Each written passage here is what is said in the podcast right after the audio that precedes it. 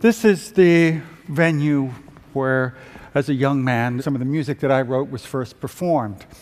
It was remarkably a pretty good sounding room with all the uneven walls and all the crap everywhere. It actually sounded pretty good.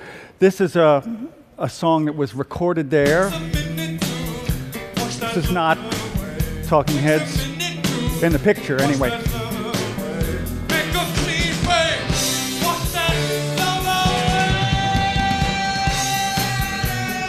So, the nature of the room meant that words could be understood. The lyrics of the songs could be pretty much understood. The sound system was kind of decent. And there wasn't a lot of reverberation in the room, so the uh, rhythms could be pretty intact too, pretty concise. Other places around the country had similar rooms. This is Tootsie's Orchid Lounge in Nashville. The music was in some ways different, but in structure and form, very much the same. The clientele behavior was very much the same too.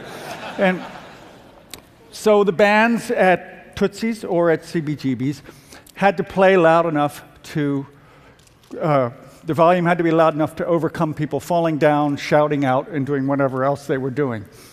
Since then, I've played other places that are much nicer. I've played uh, the Disney Hall here and Carnegie Hall and places like that, and it's been very exciting, but I also noticed that sometimes the music that I had written or was writing at the time didn't sound all that great in some of those halls. We managed, but sometimes those halls didn't seem exactly suited to the music I was making or had made. So I asked myself, do I write stuff for specific rooms? Do I have a, a, a, place, a venue in mind when I write? Is that a kind of model for creativity? Do we all make things with a venue, a context in mind? Okay, Africa.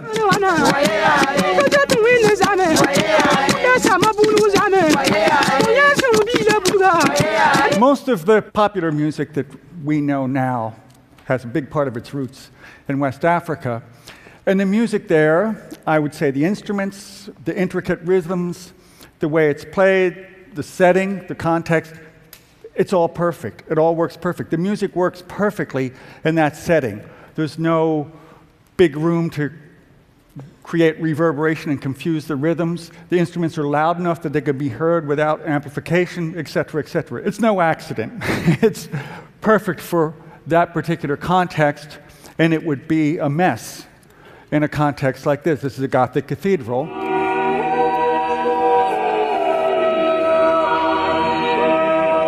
In a Gothic cathedral, this kind of music is perfect.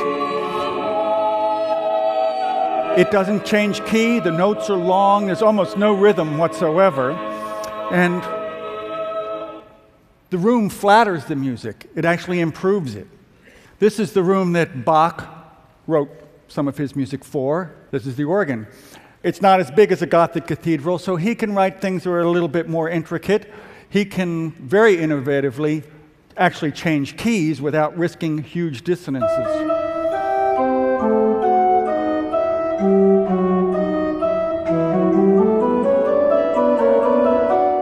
This is a little bit later. This is the kinds of rooms that Mozart wrote. I think we're in like 1770, somewhere around there.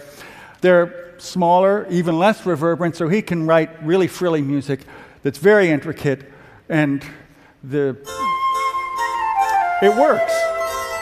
It fits the room perfectly. This is La Scala. It's around the same time, I think it was built around 1776. People in the audience in these opera houses, when they were built, they used to yell out to one another. They used to eat, drink, and yell out to people on the stage, just like they do at CBGBs and places like that. If they liked an aria, they would holler and suggest that it be done again as an encore, not at the end of the show, but immediately.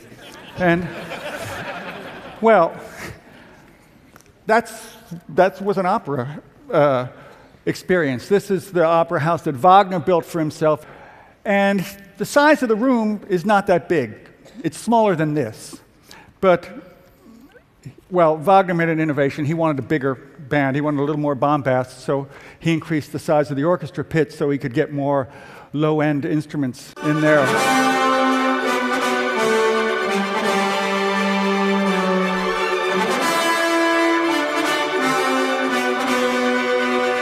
Okay. This is Carnegie Hall. Obviously, this kind of thing became popular. The halls got bigger. Carnegie Hall is fair size, it's larger than some of the other symphony halls, and they're a lot more reverberant than La Scala. Around the same time, according to Alex Ross, who writes for The New Yorker, uh, this kind of rule came into effect that audiences had to be quiet. No more eating, drinking, and yelling at the stage or, or gossiping with one another during the show they had to be very quiet. So those two things combined meant that a different kind of music worked best in these kind of halls. It meant that there could be extreme dynamics, which there weren't in some of these other kinds of music. Quiet parts could be heard that would have been drowned out by all the gossiping and shouting. But because of the reverberation in those rooms, like Carnegie Hall, the music had to be uh, maybe a little less rhythmic and a little more textural. This is Mahler. It looks like Bob Dylan, but it's Mahler. that was Bob's last record, yeah. Popular music coming along at the same time. This is a jazz band. According to Scott Joplin, the bands were playing on riverboats and and clubs, again, it's noisy. They're playing for dancers, and there's certain sections of the song. The songs had different sections, and they, that they, the dancers really liked, and they'd say, "Play that part again."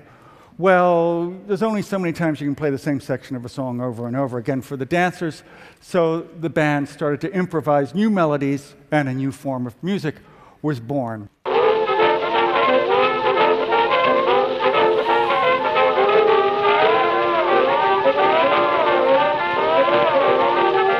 Played mainly in, in small rooms.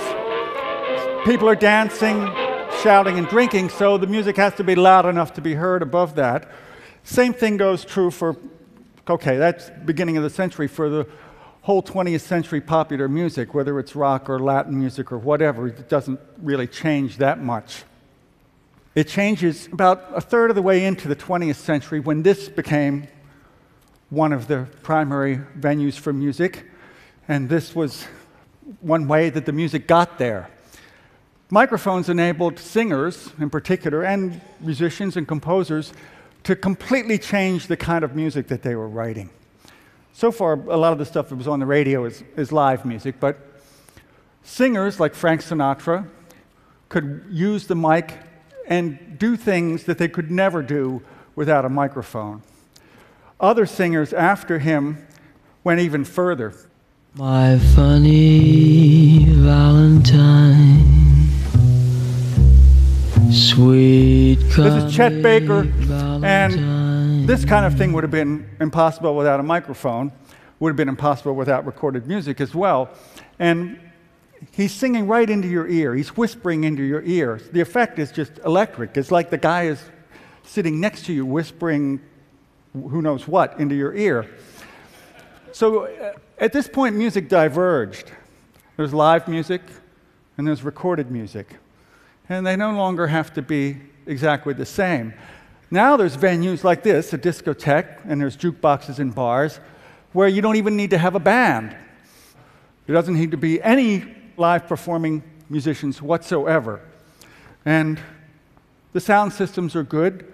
People began to make music specifically for discos and for those sound systems. And as with jazz, the dancers liked certain sections more than they did others. So the early hip hop guys would loop certain sections. I am Wonder Mike, and I like to say hello. And uh, the white, the red, and the brown, the purple, and yellow. But first, I gotta. The MC would improvise lyrics in the same way that the jazz players would improvise melodies, and another new form of music was born. Live performance, when it was incredibly successful, ended up in what is probably acoustically the worst sounding venues on the planet sports stadiums, basketball arenas, and hockey arenas. musicians who ended up there did the best they could. They wrote what is now called arena rock, which is medium speed ballads.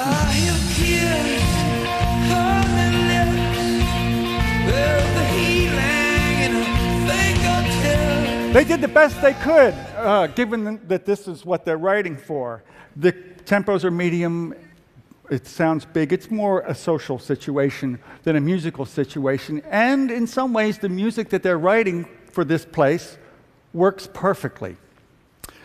So there's more new venues. One of the new ones is the automobile. I grew up with a radio in a car, but now that's evolved into something else. The car is a whole venue.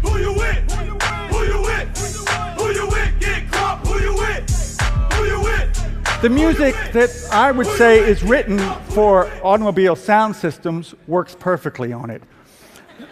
It might not be what you want to listen to at home, but it works great in the car. Has a huge frequency spectrum, you know, big bass and high end and the voice kind of stuck in the middle. Automobile music you can share with your friends. There's one other kind of new venue, the uh, private MP3 player. Presumably, this is just for Christian music. and you,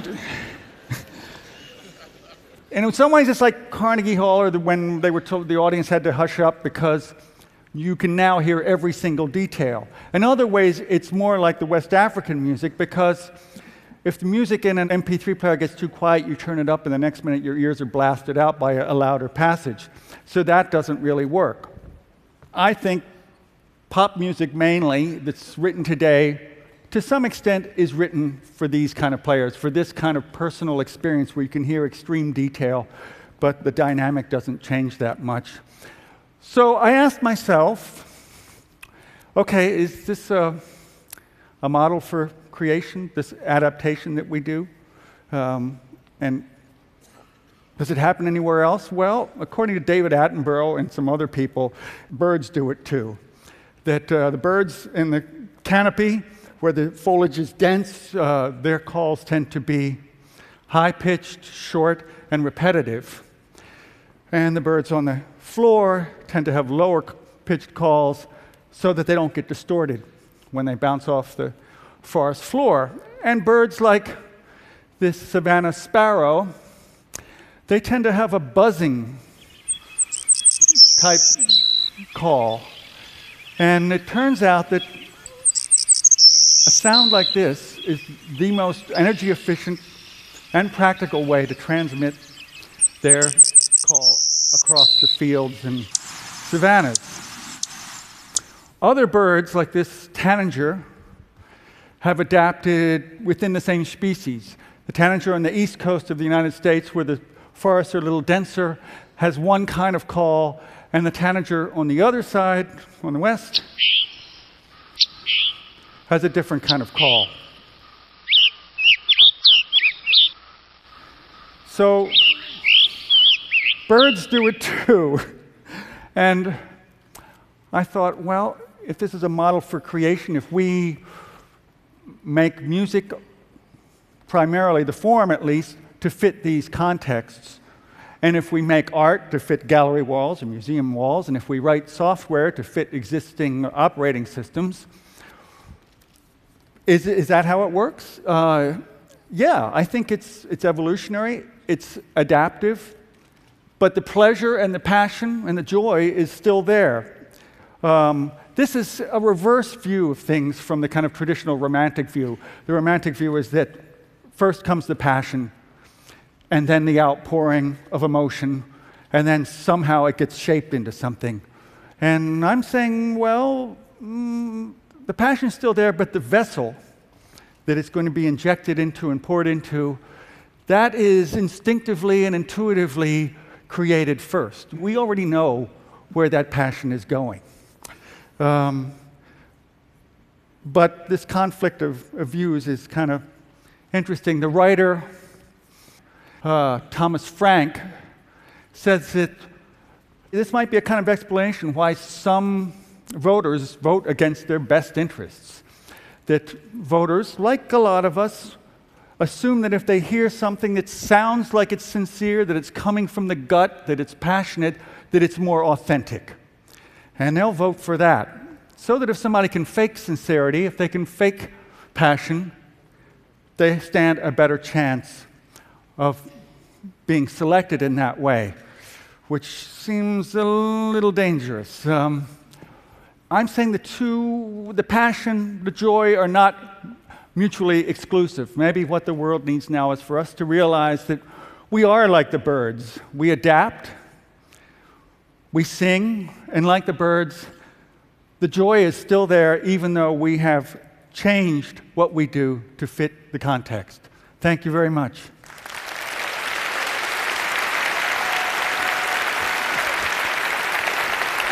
Thank you.